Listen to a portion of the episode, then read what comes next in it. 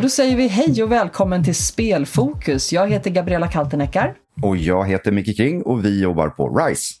Och idag har vi ett allvarligt ämne vi ska prata om, Micke. Eh, vi har bjudit in Jenny Brusk från Skövde Science Park och eh, som ledare för Donna-nätverket. Vi ska prata om jämställdhetsfrågan. Och vi hade ett litet försnack här innan vi startade det här avsnittet som var så himla intressant så att jag skulle vilja återgå till det. Jämställdhetsfrågan är ju lite så infekterad över liksom att ord som feminism och så vidare som kanske har en negativ klang hos många män. Hur, hur, hur tycker du?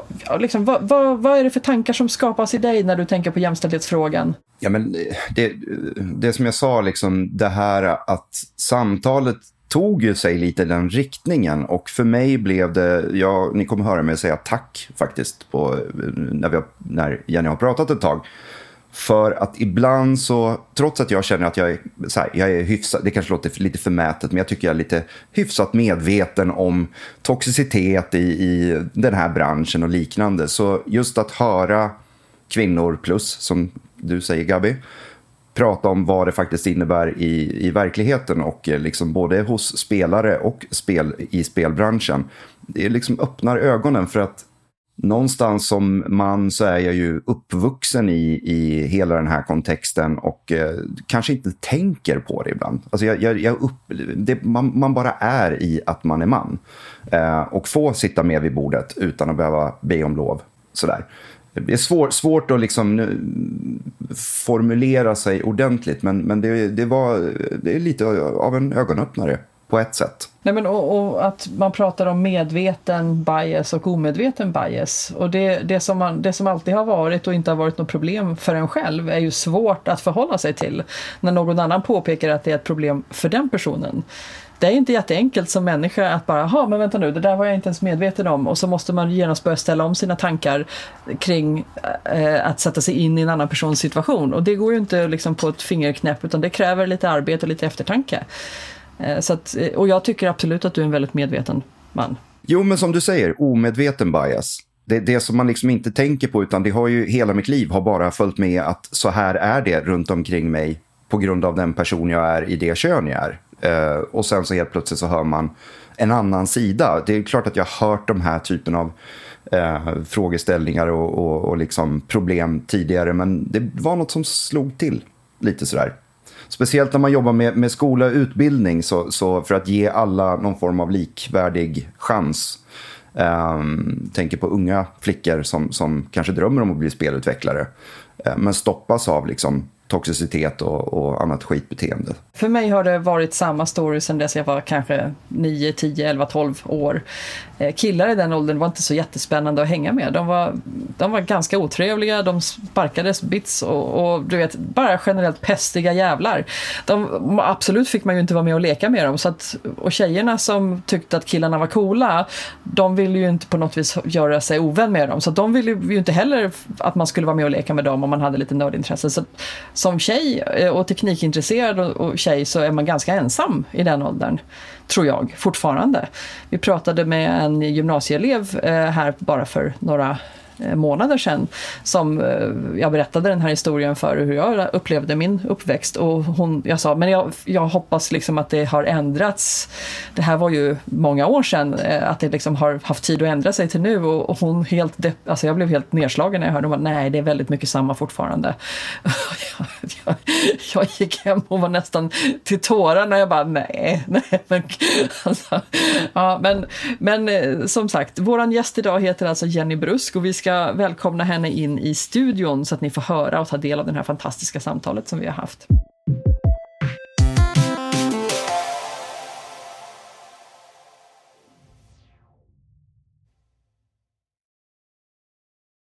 Och då säger vi välkommen in i studion till Jenny Brusk. Tack så mycket. Det är väldigt kul att vara här.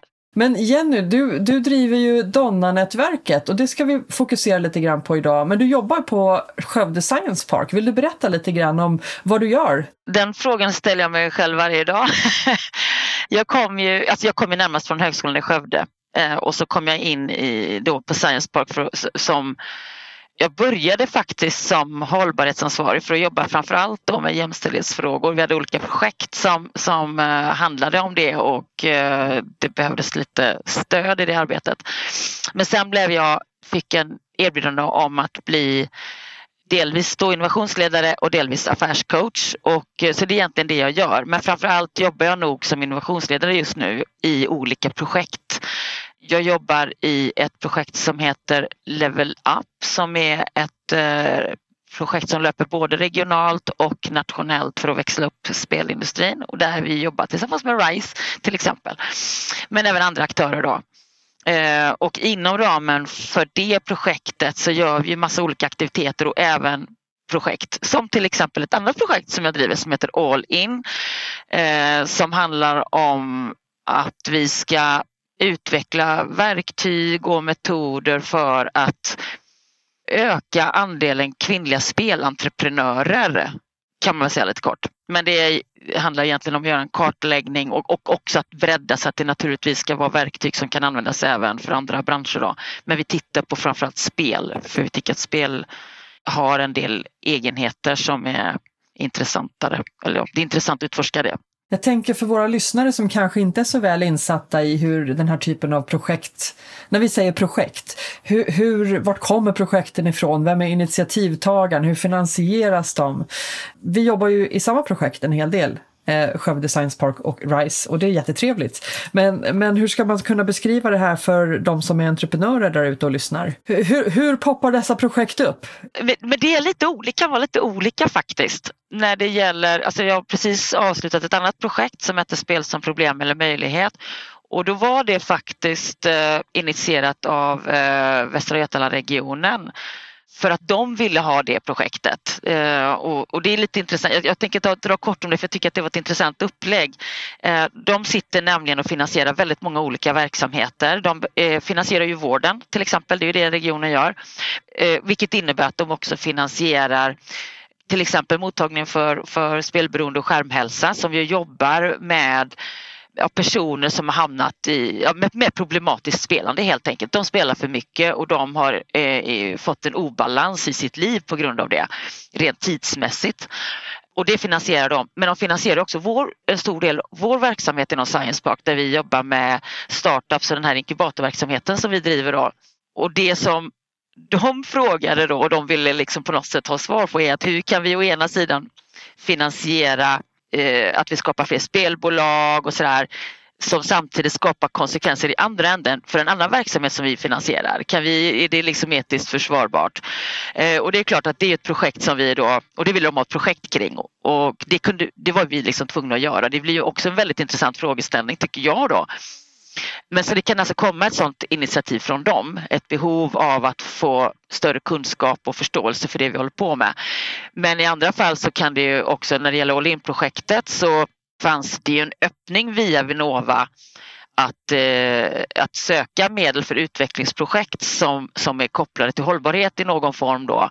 Och vi har ju sett inom inkubatorn att det är väldigt svårt Eh, det är väldigt få kvinnor som söker sig till oss helt enkelt. Det är, alltså jag tror att vi ligger bara på 16-17 procent av de som, som eh, eh, finns i våra startupbolag är kvinnor och det är till och med lägre än vad som arbetar i industrin då som är 22 procent. Och eftersom vi då jobbat mycket eh, att utveckla metoder för att liksom attrahera och behålla kvinnor som kommer in på utbildningarna så tänkte vi att men det här är ju lite samma jobb fast nu i liksom ett annat steg i den här resan som, eh, och den här karriärsresan som, som en person kan göra. Eh, så det var det initiativet kom från oss och det var också faktiskt för att vi blev kontaktade av högskolan som hade uppmärksammat den här utlysningen och ville att men borde vi inte göra någonting här och då så det var liksom ett samarbete där eh, som det började kring. Vi hade kanske inte sett att den utlysningen var om inte högskolan hade gjort oss uppmärksamma på det. Så det projektet, eh, där samarbetar vi också då med alla kluster i Sverige som jobbar med spel helt enkelt. Och det är ju för att vi tänker att vi måste lyckas över hela landet. Det, det räcker inte att vi bara jobbar liksom lokalt eller regionalt utan ju mer vi kan förändra så att säga över hela, liksom över hela branschen desto snabbare kommer den här utvecklingen att ske. Vi ser ju också att lyckas man i någon ände så genererar det effekt i andra änden. Det vill säga får vi in fler kvinnor så genererar det också större intresse hos de kvinnorna som kanske inte har tänkt på det här som en karriär tidigare. Det har vi sett på utbildningen också. När vi får in fler kvinnor där så blir de goda förebilder för de som fortfarande inte har kanske valt att göra det här steget. Så projekt kan komma in från olika håll men det bygger ju också på att man har en idé om vad det är man vill förändra. Jag tänker, det där klingar ju tillbaka till det gamla uttalandet you can't be one if you can't see one. Jag tänker just hur viktigt det är med, med förebilder. Eh, att kunna identifiera sig med att så här, men det där skulle ju kunna vara jag också. Men hur länge har det här projektet pågått nu då? Om du säger att det var så här, vad var det, 16 procent tjejer som Ja, alltså vi började, vi fick projektet i maj så vi har bara precis startat upp då. Jag tänkte just så här, har ni sett en utveckling och fått fler kvinnor och tjejer till att, men då, då är det så pass nytt i alla Ja, det är så nytt så att vi har ett år här nu framöver. Det andra projektet som vi hade spel som problem eller möjlighet, det avslutade vi precis så att eh, det hade kanske blivit lite mycket att driva. Alltså det, det kan ju bli lite svårt att få fokus om man har lite för många projekt samtidigt. Men, eh, men det här eh, kom perfekt lagom i tid och det kommer att löpa över ett år. Och sen har vi då möjlighet att söka medel för att, att fortsätta att implementera de här verktygen då som, vi, som vi kommer att ta fram under den här perioden. Kommer ni, vad kommer fokuset vara i projektet? Kommer ni titta på varför det ser ut som det gör eller kommer ni fokusera mer på att hur ska vi attrahera eller är det liksom en kombo av båda Eh, bitarna? Det är en kombo då, så att just nu gör vi en kartläggning. Vi har precis skickat ut en enkät eh, och där vi faktiskt välkomnar alla oavsett kön att svara på den enkäten och det är lite för att vi, men dels vill vi ju identifiera alltså varför vill man starta bolag kan ju vara en fråga.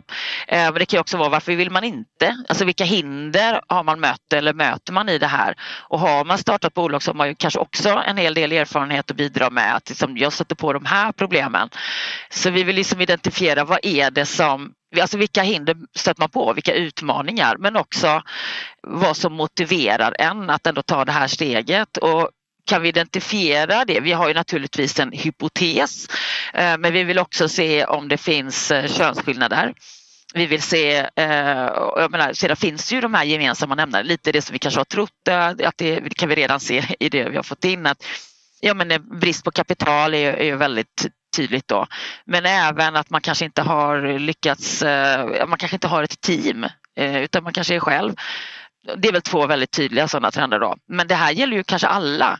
Så att vi tänker att de metoderna vi utvecklar och de här verktygen hoppas vi ju ska kunna underlätta för alla i slutändan.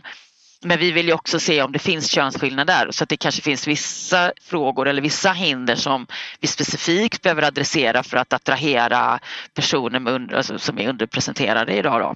Har, har, ni något samarbete med andra regioner i den här frågan just när det gäller All In-projektet? Inte regioner, det här är ju eh, Vinnova-finansierat och eh, däremot så samarbetar vi som sagt med alla spelkluster och då är det verkligen över hela Sverige. Alla var superpositiva till att bidra till det här projektet. Eh, och också för att eh, man har ju, gjorde ju en sån här, det kallas ju sån här peer review över de olika klustren förra året och det betyder att man, liksom, man går ihop allihopa, berättar om sin verksamhet och så kommer de andra med feedback och, och förslag på hur man skulle kunna förbättra. Man får också då naturligtvis tips från andra hur de har arbetat, hur man då kan förbättra sin process. Eh, och den granskningen visade ju väldigt tydligt att eh, det här med att, eh, att jobba med mångfald är svårt. Eh, bygger ofta på att det är någon eh, ensam entusiast som driver arbetet. Om den försvinner så finns det väldigt stor risk att det arbetet inte drivs vidare då. Och alla vill jobba med den här frågan. Eh, så, och jag tror att väldigt många har gjort det men man eh, har både positiva och negativa erfarenheter och man kanske inte heller har fått det här att vi har hittat den perfekta lösningen.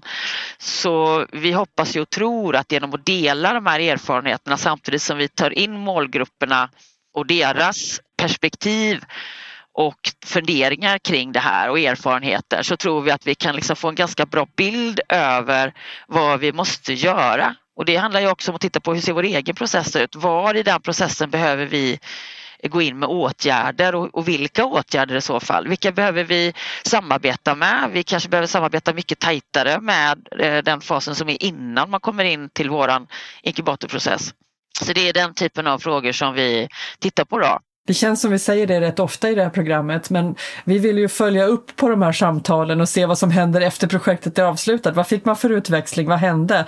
Hade ni några insikter som ni vill dela med er av liksom i etern också? Det hade varit jättekul om du vill komma tillbaka. Hur, hur länge löper projektet? Till juni nästa år då. Så då kan vi komma tillbaka och se vad vi har kommit fram till. Men jag tänkte att jag skulle vilja ansluta också till Donna-nätverket som du driver. Hur, hur kom det till? Hur föddes Donna? Jo men det föddes faktiskt eh, ur eh, en erfarenhet som jag tog med mig när jag arbetade på Högskolan på Gotland. Eh, jag jobbade där 2000, från, ja, jag, jag bodde på Gotland och verkade där 2005 till 2010. Och under de åren drevs ett projekt som hette Supermarit som eh, låg under Genderinstitutet och drevs av tre Eh, var det tre, fyra stycken kvinnor som hade pluggat på spelutbildningen och var väldigt drivna i den här frågan. Och de utvecklade också då metoder för att eh, attrahera fler unga tjejer att göra karriär som spelutvecklare. Men de jobbade även mot branschen eh, och jobbade jättemycket för att det skulle finnas menar, kvinnor i, i styrelser. De var på DreamHack, eh, att varför har ni inga kvinnor i er jury? Men det var mycket så här de gick in liksom överallt och verkligen försökte påverka. De hade en ganska tydlig strategi också det här med att eh, gå från de unga eh, men också gentemot branschen eh, och på något sätt hitta aktiviteter för att, eh, för att skapa förändring liksom i de här olika leden. Då. Och jag satt i deras advisory board och eh, när jag flyttade tillbaka och började jobba i Skövde, jag hade jobbat där tidigare, och när jag kom tillbaka så så låg det det här ständiga verksamhetsmålet att vi skulle öka andelen kvinnor på spelutbildningarna. Så jag så tog upp det här målet, vi ska ha så här många, du vet en andel var det 20 procent eller någonting. Så frågade jag, men är det någon som Alltså vad, vad, är det här för mål? Har, har det gjorts någonting med det här målet eller ligger det bara och så hoppas man lite på ett mirakel att det ska vara oj nu har vi uppfyllt det perfekt liksom.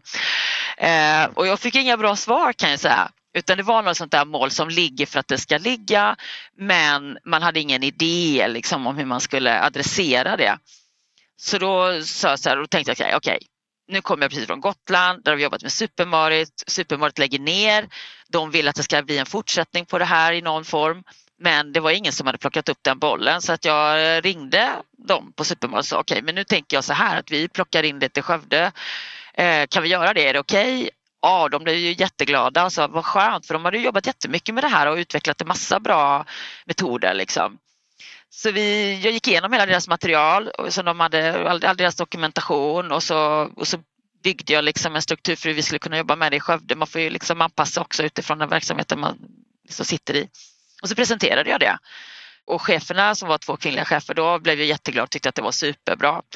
Så då fick jag med mig en, en, eh, en kommunikatör också då från marknadsavdelningen och så drog vi igång och så började med att bjuda in alla kvinnliga studenter på spelutbildningen. Så nu ska vi dra igång det här nätverket. Och vi, då, hade vi, då hade vi inget namn heller utan det var bara kom. Och då kom det väl fem studenter eller någonting. Och så körde vi igång. Alltså det var så vi körde igång.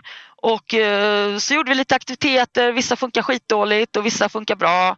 Eh, jätteexperimentellt var det. Så, men det är ju inte så svårt att komma på idéer. Om man vet vad det är man vill uppnå så är det inte så svårt att komma på idéer på aktiviteter eller hur man ska kunna göra. Så vi drog igång och vi fick ganska mycket uppmärksamhet väldigt tidigt. Alltså innan vi knappt ens hade dragit igång så, så fick jag något så pris, ett Anna Lindh-stipendium då från Skövde Eh, för mitt jämställdhetsarbete. Jag bara tänkte, okay, var ju, det var ju lite som när Obama fick eh, fredspriset. Liksom. Okej, okay, man får ett pris innan man liksom hunnit bevisa någonting. Men, eh, men vi fick också, men i det så fick vi en del liksom, uppmärksamhet i media och sådär och det hjälpte ju till att generera intresse så då kunde vi få så här erbjudanden från människor som ville samarbeta med oss och göra grejer. Så vi plockar ganska mycket bollar också, inkommande bollar men också utifrån vad studenterna berättade om sina erfarenheter, vad de hade stött på, vilka problem de hade mött, vilka, eh, men också vad de ville liksom, att vi skulle göra och hur de tyckte att det fungerade och så. Det var väl så det började, ganska trevande, men sen fick vi en, eh, blev vi kontaktade av Doris Film som är en, eh, det var ju som en förening som drevs här i Göteborg som jobbar eh, gentemot filmbranschen med jämställdhet. Och de ville göra ett spel och det skulle då bygga på deras manifest. Eh, och deras manifest går ut på att man ska skapa, i, i deras fall är det en film då, där manusförfattare ska vara kvinnor, eller alla positioner helt enkelt. Manusförfattare, regissör, huvudkaraktär, allting ska vara kvinnor då. Och då ville de applicera den, det manifestet, liksom fast skapa ett spel. Och då behövde de vår hjälp och då körde vi, erbjöd vi studenterna det. Okej, okay, vem vill göra en spelidé kring det här konceptet då? Och vi hade då en kurs som man kunde jobba, alltså så att man kunde göra det inom ramen för en kurs. Det var väldigt viktigt för oss. Eh, och sen fortsatte det till ett spelprojekt och då satte vi ihop en grupp utifrån ett av de här, ja två projekt var det nog faktiskt, där vi verkligen försökte att eh, bygga team då som hade majoritet kvinnor och med ledande positioner, vilket ju kan säga på den tiden inte var jättelätt för så många kvinnor hade vi inte på utbildningen. Eh, men det blev ett väldigt bra showcase, hela det projektet. Och Doris Film är ju jätteduktiga på, de har ett jättestort nätverk, jätteduktiga på marknadsföring. Så vi pratade ju om det här projektet på massa, massa olika sammanhang. Det var konferenser och det var seminarier och, och det var eh, jättemånga olika arenor där vi kunde prata om projektet och varför vi gjorde det. Så det gav rätt mycket uppsving och det genererade i sin tur andra saker vi kunde göra då. Men grundprincipen för Donna har ju liksom hela tiden varit att jobba både med alltså rekrytering till utbildningen, att jobba med studiemiljön, att den ska vara inkluderande, att också i det jobba med utbildningen, hur, hur ser den ut? Hur jobbar lärarna med de här frågorna? Men sen också med övergången till yrkeslivet och yrkeslivet. Så där har vi behövt samarbeta också med branschen och branschorganisationen och så. Och det har vi också gjort från start. Så det har ju varit hela principen bakom Donna då. Vad kan branschen göra? För vi, vi har ju haft många diskussioner, eh, både du och jag och sen andra eh, som är kvinnor eller eh, minoriteter inom, inom dataspelsbranschen. Eh, där diskussionerna förs på det sättet att jo, jo, men nästa generation, de, de kommer att lösa det där. Det kommer bli mer jämställt när vi får in mer kvinnor på utbildningarna. Det är det vi ska fokusera på. Men jag men, är av den meningen att jag tror att även branschen måste också arbeta ännu mer aktivt för att liksom säkerställa att man välkomnar och öppnar upp för mer kvinnor eller minoriteter. Kvinnor plus brukar jag kalla det för. Men sitter du på någon liksom, helig graal här? Vad, vad har du för, vad, vad, tror du att branschen skulle kunna göra för att växla upp ännu mer? Jo men alltså redan tidigt på Idonna så hade jag ju de här samtalet med Per Strömbäck då eh, om vad, men varför gör ni ingenting? Han bara, men det finns inga kvinnor. Finns det kvinnor så lägger vi dem överst i liksom högen. Så att det började naturligtvis med att det måste finnas en kritisk massa. Och där, där är ju vi som, då, som en utbildningsinstitution en väldigt viktig aktör. Så det är klart att det, det måste finnas kvinnor att rekrytera. Men vi pratade också om det, men de måste ju också kunna erbjudas en bra arbetsmiljö när de kommer ut i arbetslivet. Det är ju liksom helt centralt. Vi kan liksom inte utbilda en massa kvinnliga spelutvecklare och sen så kommer de ut till, till en väldigt eh, liksom toxisk miljö. Så det pratade vi otroligt mycket om och eh, mycket har ju gjorts. Man kan säga som rent historiskt så började det ju egentligen lyfta sådana här röster där vid 2012, 2013 med, med One Reason Why och One Reason To Be som, som ju var, det blev ju en panel då på GDC där, man, där de här kvinnliga, eh, ganska tunga kvinnliga spelutvecklare gick ut och var, alltså det, nu, nu måste hända någonting. Vi måste sluta upp med booth babes, vi måste sluta upp med de här sexismen och vi måste liksom sluta upp med sexuella trakasserier och, och, lyfta liksom kvinnors kompetens. Och för de som är utanför branschen, booth babes, vad är det för någonting? Ja, men de hade ju alltså kvin halvnakna kvinnor som skulle representera kanske någon spelkaraktär då som gick omkring på de här konferenserna Eh, så att kvinnor fanns i princip inte representerade på konferensen förutom som sexobjekt då. Så det var ju alltså det var lite så som det har varit i bilbranschen förr också. Man också har de här av lättklädda eh, kvinnorna som ska stå och liksom, eh, göra en bil sexig. Liksom. Det är ju helt sjukt.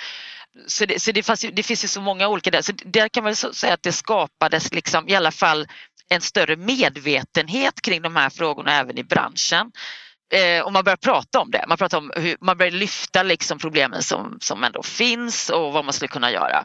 Sedan kom ju Gamergate eh, som i princip var bara en total eh, hatkampanj gentemot kvinnor i branschen. Den är ganska komplex hela den resan men det var egentligen det som var som, som, som det handlade om, om man nu ska dra ner till botten. Och då fick branschen ta ställning. Och då var det ganska många bolag som okej, okay, nu måste vi verkligen ta ställning för där har det funnits en kamp mellan spelare också så att säga. Alltså när du som spelbolag tar ställning då för att vara mer inkluderande då har du ett spelcommunity som är väldigt aggressivt, ganska misogynt i många fall. Och då handlar det om att vad händer när vi tar ställning då för att eh, vara mer inkluderande och välkomna kvinnor? Jo men då har du liksom en jätteaggressiv spelargrupp här som är då våra kunder och det var där det också ställde till det lite för en del bolag. Liksom, att hur ska vi hantera det här? Så det var ju också det att, sen, att gå ut tydligt var ju en viktig sak. Sen måste de ju jobba inkluderande. Alltså vissa bolag jobbar ju aktivt med de här frågorna och, och anställer numera då eh, mångfaldschefer eh, och inkluderingschefer sådär, för att jobba med de här frågorna. Det fanns ju absolut inte då. Men det förekommer ju fortfarande problem men om man inte arbetar aktivt med frågorna och faktiskt tar frågan på allvar och jobbar med det så att säga helt integrerat och också förstår vad är det som händer när man... För det är klart att det kan också förändra kulturen på en arbetsplats. När du går från att ha kanske bara en grupp, en ganska homogen grupp människor och sen tar du in människor som inte ser ut eller fungerar eller tänker som den här klumpen då kommer det att förändra kulturen och den måste förändras. Det är liksom som du kommer in liksom i en byggbyscha med, med liksom porrkalendrar liksom på väggarna. Kommer in en kvinna, jag har själv gjort detta då, då plockas ju de ner. För det blir liksom lite pinsamt när en kvinna kommer in där och ser en massa porrkalendrar. Så det är också någonstans, man måste förändra kulturen, man måste liksom skapa utrymme för mångfald. Man måste vara beredd på att ta eh, och hantera den förändringen som det blir. För man vill ju det för att få fler perspektiv. Då måste man också kunna hantera det.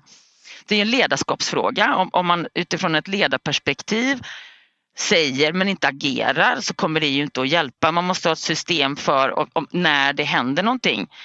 Så händer det en incident eller om det sker diskriminering eller trakasserier så måste det finnas någon form av whistleblow-funktion. Du måste kunna ha en HR som du kan lita på som tar tag i frågan och man måste i det förändra någonting i sina processer för att det inte ska hända igen.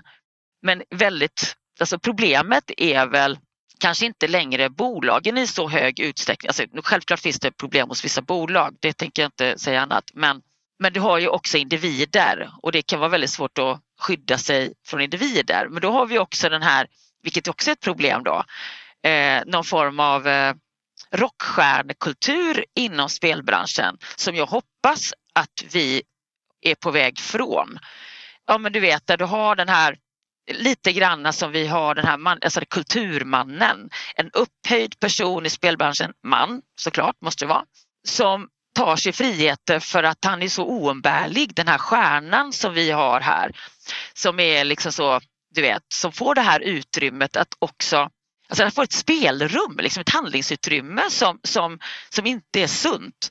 Och jag ju själv kommer också från musikbranschen och det ser liksom likadant ut där. Du har liksom den här frontpersonen som kan göra precis vad han vill liksom, för han är stjärnan och tjejerna bara och sådär. Och så kan han begå övergrepp rätt länge innan, innan någon stoppar det. Det är det hela metoo handlar om också ju. Och jag tror att vi har tyvärr haft en sån kultur också inom spel. Att vi har haft de här stjärnorna som liksom har fått lite för stort utrymme. Och jag tror att om man identifierar det och vågar plocka bort sådana personer som då beter sig illa så tror jag att det är ett led. Men det har man inte gjort. De har plockat bort människorna runt honom. Det, det, är ju, det är ju en kultur liksom av fans egentligen. Och det är precis samma som du säger som i musikbranschen, att vi är så väldigt intresserade av kändisar eller sådana med starka personliga varumärken och vi blir så starstruck lite grann. Eh, och det, det, är ju mer liksom en, en, kultur som alla kan vara delaktiga i att förändra. Så att jobb är jobb och om det är någon som sjunger som man tittar på på scen, det är en annan sak. Den behöver man inte ha en personlig relation till. Men, men sådana som man jobbar med måste man ju ha en personlig relation till. Och där tror jag det är viktigt att vi som individer på individnivå slutar beundra människor så himla mycket utan för, för vad de har för glamour, snarare kanske för vad de åstadkommer för gruppen. Jag har faktiskt gett ett sådant tips eh, för att det, det förekommer fortfarande då. för inte alls länge sedan så råkade ju eh, ett par kvinnliga eh, ledare eller, ja, som driver ett, ett, eget bolag då, ut för eh, ja, med sexuella trakasserier skulle jag säga i möte med en investerare. Och det går ju för att du har, du, då har du en man som är lite äldre, erfaren, massa kontakter och så har du personer som vill in i branschen som, som, som håller på att bygga upp sitt nätverk och också har väldigt stort förtroende för alla som jobbar i branschen för de har inte stött på kanske dåliga människor tidigare, vilket är helt rimligt. Eh, så de har också den här känslan av att människor är goda och har inte några onda avsikter och i det här fallet eh, kunde det gått ganska illa liksom. Och då tänker jag att det, det, mitt enda tips till dem sen var liksom, men sluta bli imponerade. Alltså faktiskt, för att det är det att vi blir imponerade av de här människorna som gör att vi blir lite förblindade också. Är man inte imponerad så noterar man ju inte att de försöker att liksom manipulera en in i att de, är liksom, de sitter på alla korten. Liksom. Det hänger ju ihop lite grann med det här att vi tror att människor som är kända eller har ett starkt personligt varumärke eller influencers är så perfekta så att de är inte längre människor. De kan inte göra fel och händer någonting som de gör som är fel, vilket händer alla människor för vi är felbara person, äh, individer, så blir det ju katastrof. Då, då är det ju super, då, då, kan den personen aldrig komma tillbaka. Eh, och, och, det kan vara allvarliga saker som kanske rättfärdigar att den personen kanske ska lämna den här branschen. Men det kan också vara saker som alla gör förr eller senare, som vanliga misstag som man begår. Och, och, jag tror att fankulturen, den här eh, kulturen av att vara så imponerad av människor bara för att de har jobbat länge i en bransch eller för att de har ett starkt personligt varumärke, den hänger också ihop med cancelkultur. Att, att vi, vi sätter människor på någon form av piedestal och det är ju inte hälsosamt i arbetssammanhang i alla fall. Nej, och det är lite det jag menar med den här rockstjärnekulturen, att den är inte hälsosam det blir också liksom ett maktförhållande som blir väldigt osunt. Och det är ju lite det du är inne på det här att man ska samarbeta, man ska jobba tillsammans. Det betyder att man, man måste, det är, där, det är utifrån det man måste utgå, att vi jobbar professionellt tillsammans. Det är inte det här med att, att någon är, har den här särställningen skapar ju en, en problematisk eh, maktstruktur om den personen inte själv vårdar den maktstrukturen. För det är klart, det kommer alltid finnas människor med mer makt. Men du kan ju hantera den makten på olika sätt och du kan vårda den makten. Men det är klart att om du utnyttjar makten eh, och du inte blir stoppad i tid, då kan det bli precis det här att det leder till att det går för långt och sen blir det så att nu får den personen inte finnas mer och det jag håller med, det är problematiskt också. Men eh, vi kanske behöver helt enkelt vara lite vaksamma innan att vi inte tillåter den typen av Eh, att vi plockar ut särskilda, för jag menar att, att skapa ett spel är ändå ett teamwork. Det är inte en, ett geni som har suttit och knoppat upp. Visst, du kan ha en idé och du kan vara extremt duktig men, men det, det betyder inte att den personen kan skapa allt det här själv utan den har ju stöd av väldigt många andra människor. Och jag tror inte att, eller jag ska säga att det är väldigt få kvinnor som då någonsin kommer att kunna lyckas få en sån position. Men att du har personer som är extremt kompetenta och som man blir imponerad av, det är ju inget konstigt det får bara inte bli den här idoldyrkan där man liksom helt tappar fokus på vad det är man faktiskt gör. Nej, men och, och, att man inte utsätter sig för en risk där den personen som blir dyrkad ser det som en möjlighet till att utnyttja.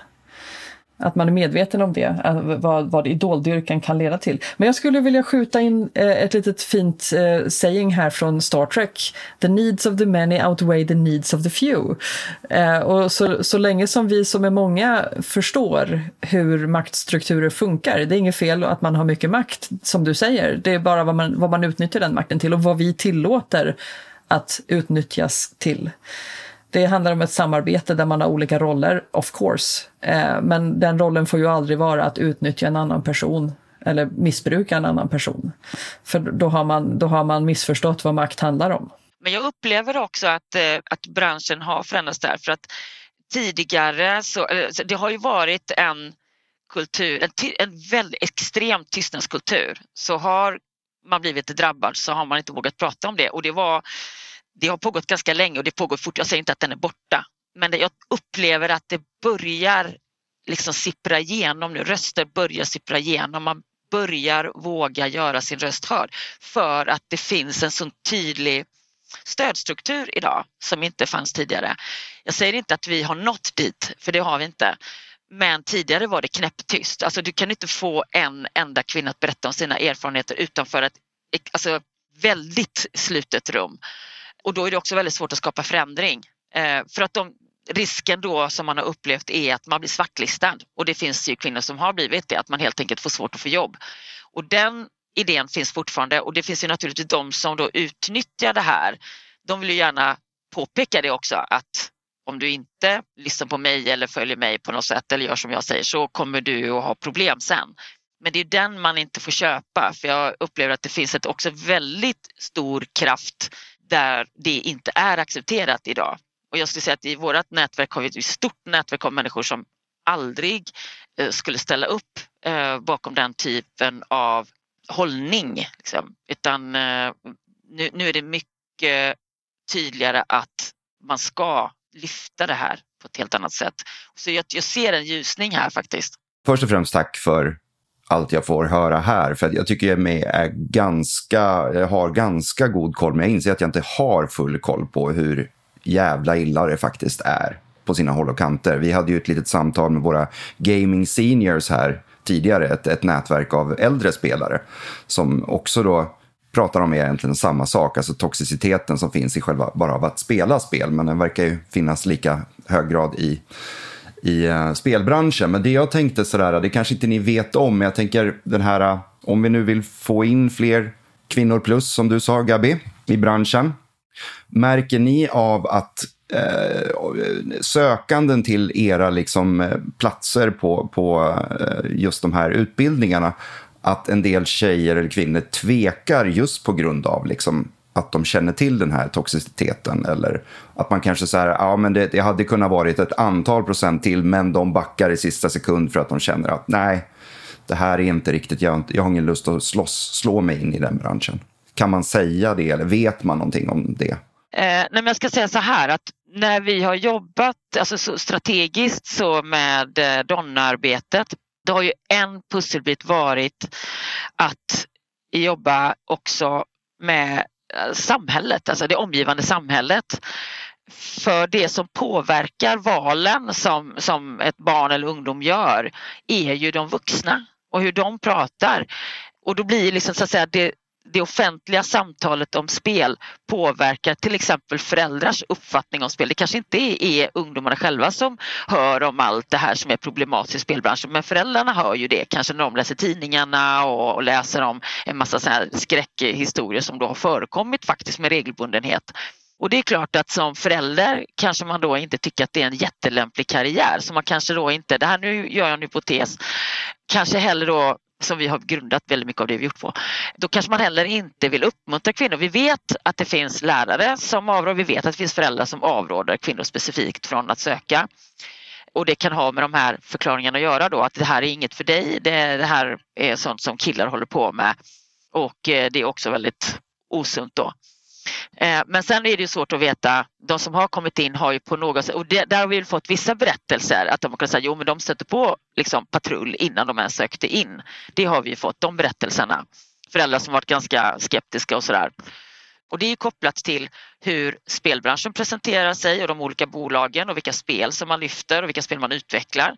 Eh, kopplat till hur press då, media skriver om spel, vilka frågor man tar upp, eh, hur politiker pratar om spel, vilka, vilka frågor är det de diskuterar när man pratar om spel. Och där har vi kunnat se, det finns ganska mycket exempel ändå på, på politiker som gärna pratar om att nej men det tar tid från läxor och det spel är dåligt, eh, det tar tid från, också det här, det tar tid från pojkarnas läxor. Så man, man lyfter hela tiden upp då utifrån spelandet som ett problem då. Eh, och det var också lite det som det andra, andra projektet handlade om, att vi, vi, vi pratar om spelandet som ett problem som kan skapa spelberoende, som inte är inkluderande, där det är mycket toxicitet och det är bara våld och sexism och allting. Och samtidigt så lyfter vi då den svenska spelbranschen som en success story och det är vi som drar in en massa skattemedel och jobb och allting sånt. Men de här världarna måste ju liksom gå ihop då. Och de här berättelserna behöver vi liksom vända och vrida på. Vi behöver prata om det tillsammans. Vi behöver prata om branschens ansvar men också det samhälleliga ansvaret och vad det är vi faktiskt pratar, alltså hur ser samtalet om spel ut? Och att göra det mer allmänmänskligt, att hålla på med spel. Alla spelar spel. Vi har, vi har spelat spel liksom i alla tider. Vi går liksom tusentals år tillbaka så, så har vi alltid spelat spel. Det är ingenting som bara män gör. Men dataspel är någonting som man har fått för sig att det är bara för män. Fast kvinnor spelar i, i princip i lika hög utsträckning. Så det handlar ju också om narrativet. Och det för att förändra det narrativet då kan vi också förändra vilka som vågar ta steget in och det lyckades vi i viss utsträckning göra för det kom ju många fler kvinnliga sökande till spelutbildningarna när vi började jobba med det här. Också för att vi, det var uttalat att vi jobbade med jämställdhet. Då blev det som ett okej, okay, de jobbar med de här frågorna. Vi har flera studenter som har sagt att ja, men det var därför vi valde den här utbildningen, för att ni hade Donna.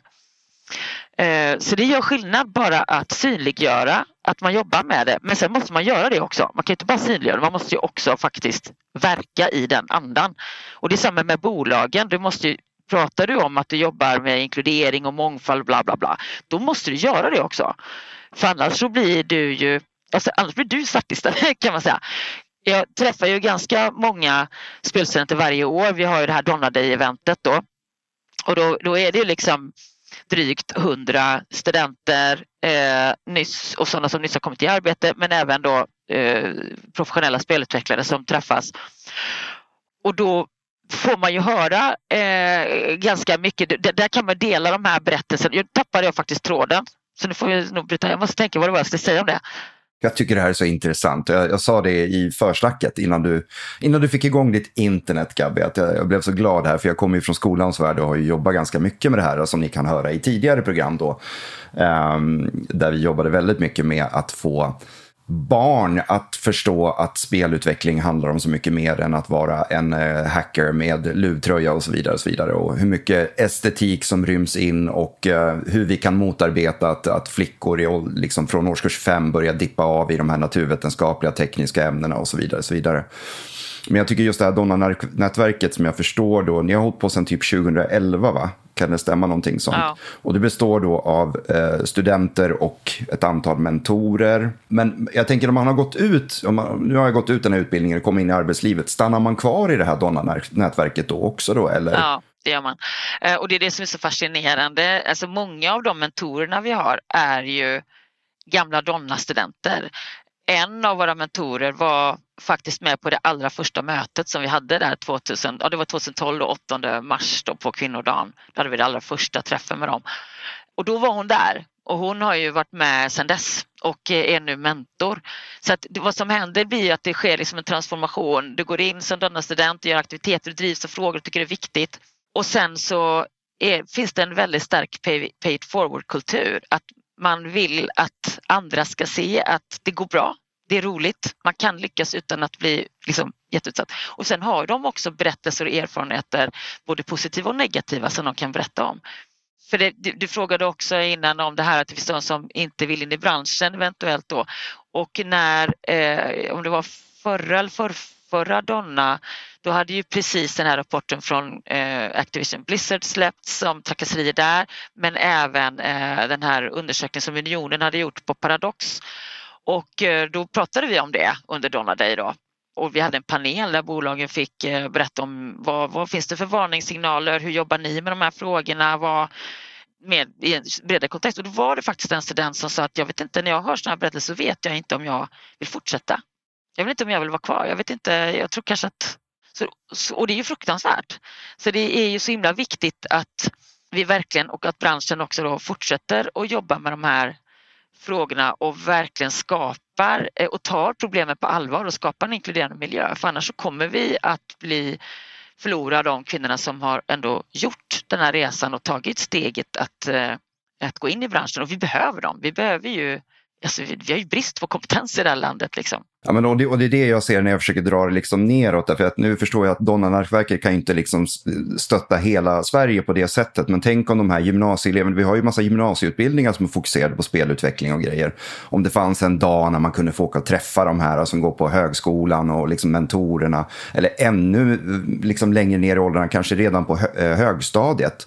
Eh, tjejer och flickor och allting som är intresserade av det här med spelutveckling men kanske då känner lite så här att äh, det där är bara för killar. Jag har inte sett några kvinnliga spelutvecklare. Att få liksom en dag per år så kan man få liksom möjlighet att bara åka och hänga och ta en, ta en Det är väl en jättebra idé. Alltså att, att skolorna skulle bjuda in förebilder liksom inom, från spelbranschen. Det är väl en skitbra idé. You heard it here first, people. Det, mycket. Det är bra. Men eh, Jenny, eh, vi vill jättegärna ha dig tillbaka om ett år eh, när vi får höra lite grann hur det har gått i All In och följa upp med Donna-nätverket. Och vi, vi har ju ett gemensamt projekt som vi jobbar i som heter Level Up Sweden och Level Up Regional. Vi kommer att få orsak att, att prata mer om det här i höst också. Yes. Men våran tid har tagit slut för idag. Så att först och främst vill vi rikta ett jättestort tack till dig för att du ställde upp och delade med dig av dina erfarenheter. Tack, Tack själva. Tack för att jag fick vara med. Det var superkul. Ja, Micke. Ja, Gabi. Känslor, tankar, reflektioner. Otroligt viktigt ämne, otroligt spännande och samtidigt så jäkla häftigt det här med Donna-nätverket. Och jag tänker också att det borde finnas ett litet Donna-nätverk typ i alla delar av Sverige. Och lite det som vi pratade om på slutet också, att jag skulle kunna se eh, de flickorna på, på de skolor som jag har jobbat på, de skolor, den enda skolan jag har jobbat på, men alla dessa elever som jag har sett under mina 25 år där borta. Tänk att bara kunna få dem att få ett litet besök. Eh, antingen åka, åka till något ställe och träffa lite så här tuffa, halvvuxna människor eh, som är på väg in i den här resan i spelbranschen. Eller att de kommer ut och, och berättar. Man kan ju göra lite smyg, att det, det, så här, det kommer en spelutvecklare till skolan och så råkar den här spelutvecklaren vara kvinna. Men också det här tillbaka till det, så här, you can't be one if you can't see one. Hur viktigt det är med förebilder. Jag menar, och det, behöver, det kan ju vara fler branscher än spelbranschen som skulle kunna ha nytta av det här. Nu jobbar ju vi väldigt mycket mot skol... Alltså vi har ju partners inom skolpar, äh, skolpartnerskapet skulle jag säga. Äh, där du är väldigt äh, involverad tillsammans med andra kollegor på RISE inom livslångt lärande. Det kanske skulle vara en jättebra idé att pitcha in för dem. Vi får försöka skicka det här avsnittet lite grann åt deras håll kanske. Det ska jag se till att göra. Obligatorisk lyssning. Men eh, eh ni som är lyssnare ute, om det är någon yngre tjej som lyssnar, det finns organisationer som man kan vända sig till för att få mer information. Eh, Donna-nätverket bland annat, Girls in Tech finns. Eh, många som skulle vilja hjälpa till. Eh, är du nyfiken på att ge dig in i spelbranschen och vill ha lite stöd, bolla tankar, hör av dig till oss på GameNode. Eh, vi sätter dig gärna i kontakt med rätt instans. Våra kontaktuppgifter finns i shownotesen till det här avsnittet. Eh, Men vi har, eh, vi har haft ett långt och trevligt och intensivt samtal och nu när vi spelar in det här är det dagen innan midsommar så nu börjar vi Yay. sna- strax göra oss färdiga för sillen. Den obligatoriska sillen. Men tack för att ni har varit med oss och lyssnat och tack till dig Micke och ha en trevlig midsommar. Detsamma, detsamma. Hej då! Hej, hej.